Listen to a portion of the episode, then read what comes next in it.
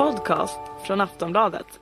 Välkommen till detta seminariesamtal om Sverigedemokraterna och deras sympatisörer. Vi gör en sån här dragning varje morgon här klockan nio om dagens parti och dagens parti är Sverigedemokraterna. Jag heter Hanna Olsson och jag är samhällschef på Aftonbladet och med mig idag har jag Henrik Torehammar som är journalist på Sveriges Radios P3. Karin Nelson från undersökningsföretaget Initio och Björn Söder, partisekreterare för Sverigedemokraterna. Välkomna! Vi kommer börja med att titta på lite helt färska siffror från eh, Sverige tycker-mätningarna som vi gör tillsammans med Initio. Över till dig Karin. Tack så mycket. Eh, Sverige tycker vi har gjort en undersökning och tagit fram en modell som vi kallar för väljarkontraktet.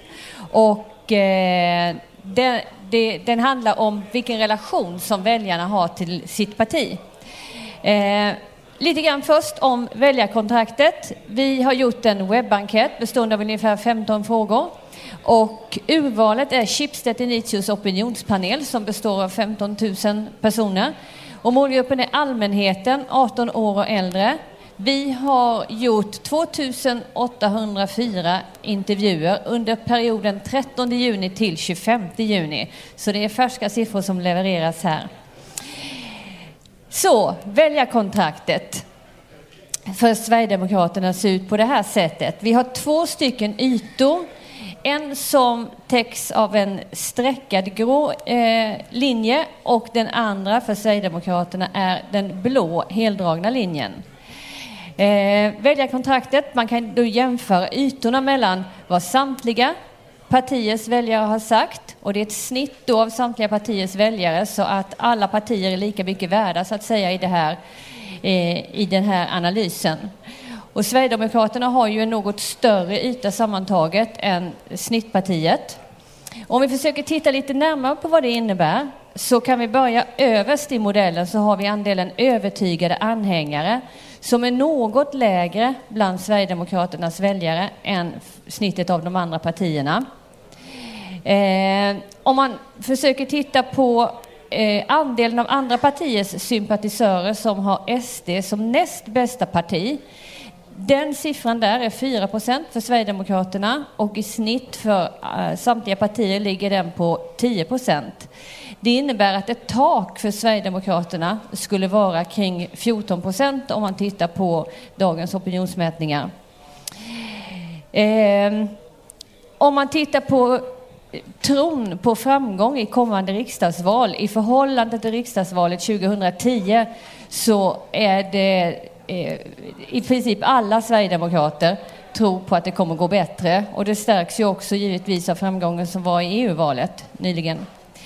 Eh, tittar man på, nu är det en stor skillnad här, och tittar man på oppositionspartierna så ligger de också över den grå streckade linjen medan allianspartierna drar ner den streckade linjen. Det följer ju den, den diskussionen som finns kring, kring partiernas ställning inför riksdagsvalet. Upplevd kunskap om partiets politik. Eh, jag kommer att visa, eh, visa att eh, Sverigedemokraterna är ju väldigt mycket ett enfrågeparti. Och den upplevda kunskapen om partiets politik är därmed väldigt stor. Förtroendet för Jimmy Åkesson är något lägre än snittet. Eh, vilka samhällsfrågor intresserar dig mest? frågade vi samtliga respondenter. Och då har vi då utbildning, skola 31 procent. Sysselsättning, jobb 27 procent. Social och välfärdsfrågor 25 procent. Vård och omsorg 24 procent. Och hur förhåller det här sig till Sverigedemokraternas väljare? Som jag sa, invandring 73 procent är den samhällsfråga som intresserar sverigedemokratiska sympatisörer mest. Bland samtliga tillfrågade är den siffran 16 procent. Andra frågor som Sverigedemokraterna tycker är viktiga är då brott och straff, 23 procent. Det engagerar 11 procent av eh, svenskarna. Eh, om man tittar på rangordningen, vi har ställt 22 stycken olika alternativ fanns att välja mellan och brott och straff eh, är nummer 11 på den listan bland samtliga svenskar och den är alltså nummer två hos Sverigedemokraterna. Utbildning i skola 22 procent. 31 procent, det är fler bland svenska folket som tycker denna, den, denna fråga är intressant. Och så sysselsättning, jobb 21 procent, som är 27 procent bland alla svenskar. Tack för det Karin. anti-SD-väljarna. För det, det, det är också en liten grupp bara som, är de, som aldrig någonsin skulle kunna göra det. Där finns de som inte kan göra det idag men, men som, som ändå kanske är nåbara väljare för vår del. Och för, vi har ju arbetat väldigt mycket nu för att försöka nå de väljarna. Att ge en, annan, ge en bild av Sverigedemokraterna eh, som kanske inte är den bilden som medierna har gett eh, Sverigedemokraterna. Och det, jag tror att just med, den mediala bilden har gjort att de här har varit kanske lite svårare att få tag i, de här väljarna. Men, Men att vi, Det kan ju också vara ett problem då, som man ser på den här siffran med de här övertygade väljarna, att det ligger lite under eh, snittet, att det ni också rekryterar från, det är från soffan. De som inte skulle ha röstat annars, att eh, det är konfliktlinjer, eh, frågeställningar som man inte har känt igen sig i, som ni tar upp då, och då går man in i partiet. Men när man hämtar från soffan, det, det är inte de mest motiverade väljarna, så det är väldigt svårt liksom att få in dem. Och det är, har ju den här tendensen av missnöjesröstande, att hur kan man helt garantera liksom, här nu ska vi komma in och vara ett demokratiskt parti, vara med och representera på det vanliga sättet. Eh, de människorna som man kan få in, de kan också säga, ah, ett vanligt parti, nej men då försvinner vi igen.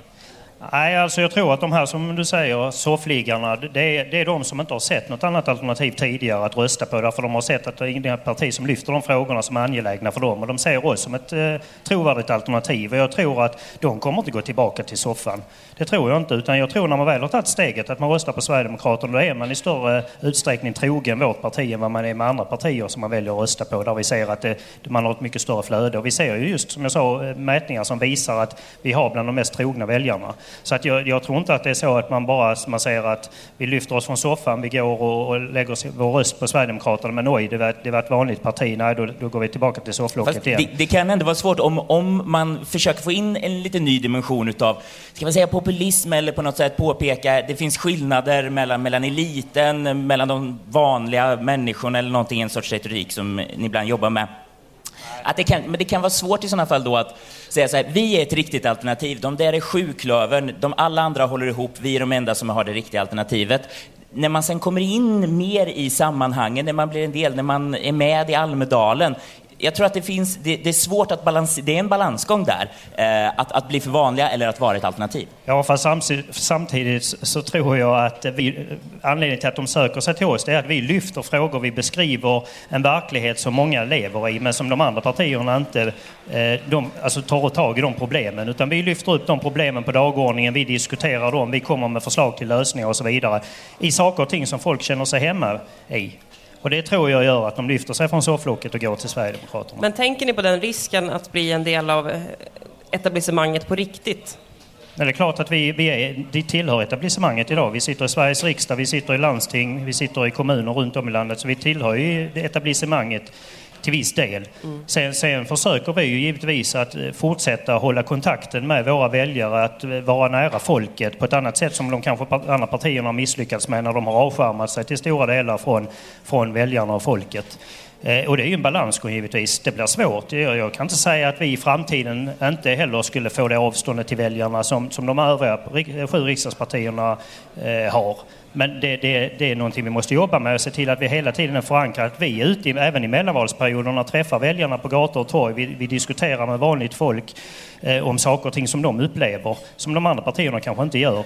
Eh, jag vet själv när jag började engagera mig, man hade, jag, jag läste någon artikel, eh, för vi var väldigt duktiga på att vara ute just och dela flygblad, vara ute och träffa väljarna och prata om det. Jag läste någon artikel av någon forskare, jag kommer inte ihåg namnet på det var en kvinnlig forskare i alla fall som sa det att, ja, att Sverigedemokraterna går framåt det beror mycket på att de, de gör inte som de andra partierna att de visar sig vart fjärde år och är ute och träffar väljarna utan de är ute kontinuerligt och träffar väljarna. Och det tror jag är en stor styrka att man, man försöker bibehålla det, att man hela tiden är ute och träffar och har väljarkontakter i större utsträckning än vad de andra partierna har.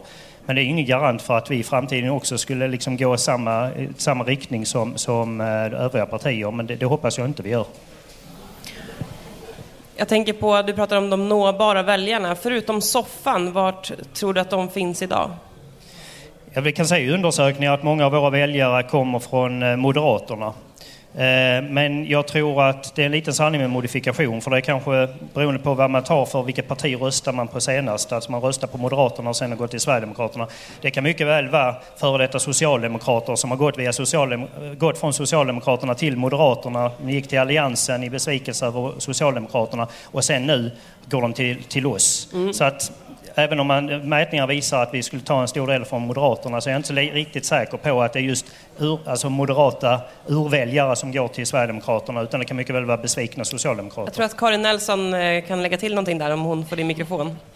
Jo, men så, så är, det ju. det är ju. Om man tittar på Sverigedemokraternas profil så är det ju män och eh, lågutbildade, LO-anslutna eller inte anslutna till något fackförbund alls. Så då är det ju många som har kommit från Socialdemokraterna via Moderaterna, som du säger.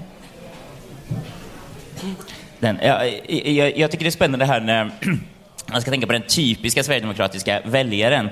Eh, jag tänker nu jobbar jag på P3, Sveriges Radio, då kan man tänka på något så här estetiskt, eh, på något sätt skulle krocka med eh, den typiska bilden av den sverigedemokratiska väljaren. Men jag tänker att vi har väldigt många sådana typiska unga män eh, som jobbar i verkstad, industri, eh, som kanske också blir väldigt arga på när vi hela tiden pratar om feminism, om hbtq-frågor, om identitetsfrågor. Och det här, men det här tycker jag är liksom det intressanta, vad som händer med blir det en ny konfliktyta om sorts värderingsfrågor eh, och hur bra Sverigedemokraterna är att hämta upp dem. För på något sätt så blir det så att här plötsligt blir det en naturlig debatt mellan någon sorts sverigedemokratiskt perspektiv och någon sorts eh, feministiskt initiativ, Miljöpartiet, där ni lite kan prata med samma språk. Eh, Moderaterna och Socialdemokraterna måste liksom vrida på varandras visioner hela tiden. Eh, ni vill höja lite så, det förstör allt. Ni vill förstöra lite så, det förstör allt och överdriva. Medan ni på något sätt kan ha en debatt så här ni tycker verkligen att så här, en, eh, en valaffisch på arabiska, det är liksom helt fel. Miljöpartiet tycker det är självklart att kunna ha en valaffisch på arabiska och då blir det en väldigt lättförståelig konflikt för människor att ta ställning till.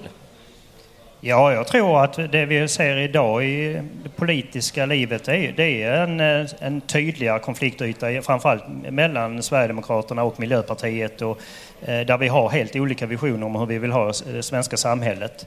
Eh, och det är också, vi, vi slåss ju också om tredjeplatsen i svensk politik så att eh, det blir en intressant eh, batalj mellan våra partier inför det kommande valet här.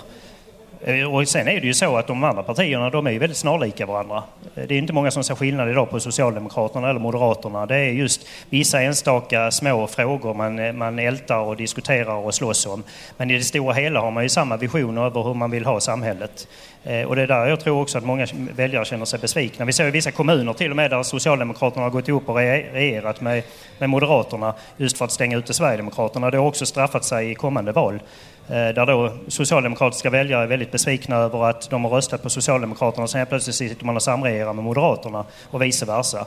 Eh, så att jag tror att problemet är att för de partierna är att eh, de har i stort sett samma mål med Sverige men man håller på att älta om små, egentligen små saker. Medan vi har kanske helt andra visioner, både Miljöpartiet och Sverigedemokraterna, om hur vi vill utveckla samhället. Och det är ju faktiskt så att tittar man i svensk politik under en längre tid så har det ju saknats visioner. Så det är bara bra att det har eh, kommit fram Vi får se hur länge den här, om det blir en annan sorts liksom konfliktyta. Vanligtvis så brukar de dras tillbaka till höger och vänster. Eh, när man får in miljö, när man får in nya saker så brukar det i Sverige ändå till slut bli en höger-vänster eh, klyfta egentligen, de här frågorna. Vi får se vad som händer med denna. Ja, när vi ändå pratar om eh, Moderaterna och Socialdemokraterna så har vi ju frågat era sympatisörer vem de föredrar som statsminister. Eh, och 31 procent föredrar Reinfeldt jämfört med 18 procent som föredrar Löfven. Vad tänker du om det?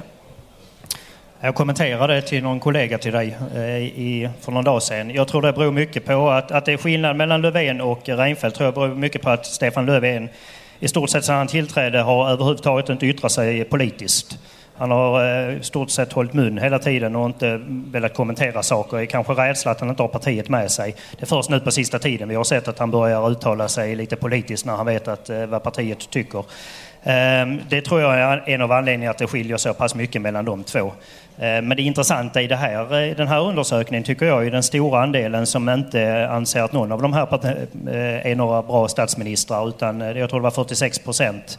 Och det visar och bekräftar ju den bilden som vi också vill ge av att vi är det tredje alternativet i svensk politik. Ja, om, om man skulle få lägga till någonting på det här med eh, den Sverigedemokratiska väljaren. Som, det finns ju någon sån här gängse bild av att det är globaliseringens förlorare, det är liksom män, landsbygd, låg utbildning eh, som känner sin position hotad. Eh, men det finns också en annan del som jag också förstått att det finns också högre andel invandrare som röstar på Sverigedemokraterna. 70, de som kom på 70 80-talet som eh, på något sätt så här, tycker att de senare invandrarna inte sköter sig, vilket också får ett så här perspektiv av någon sorts grupp som känner så här, också kanske sin position hotad.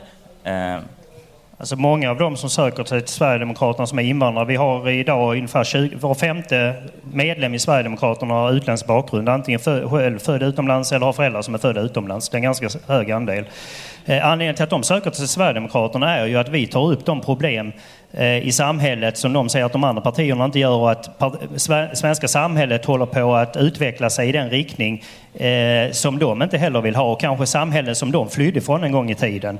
Vi ser till exempel framförallt kristna invandrare som söker till Sverigedemokraterna därför att vi åskådliggör problematiken med, med eh, islamiseringen av det svenska samhället, att vi anpassar oss allt mer efter islams påbud här med segregerade badhustider, bönutrop, Eh, bort med fläskkött från skolmatsalarna och så vidare. Det ser de här invandrarna som kanske just har flytt från den här problematiken. Och när de ser att vi påtalar detta, då blir det också vi ett intressant alternativ för dem.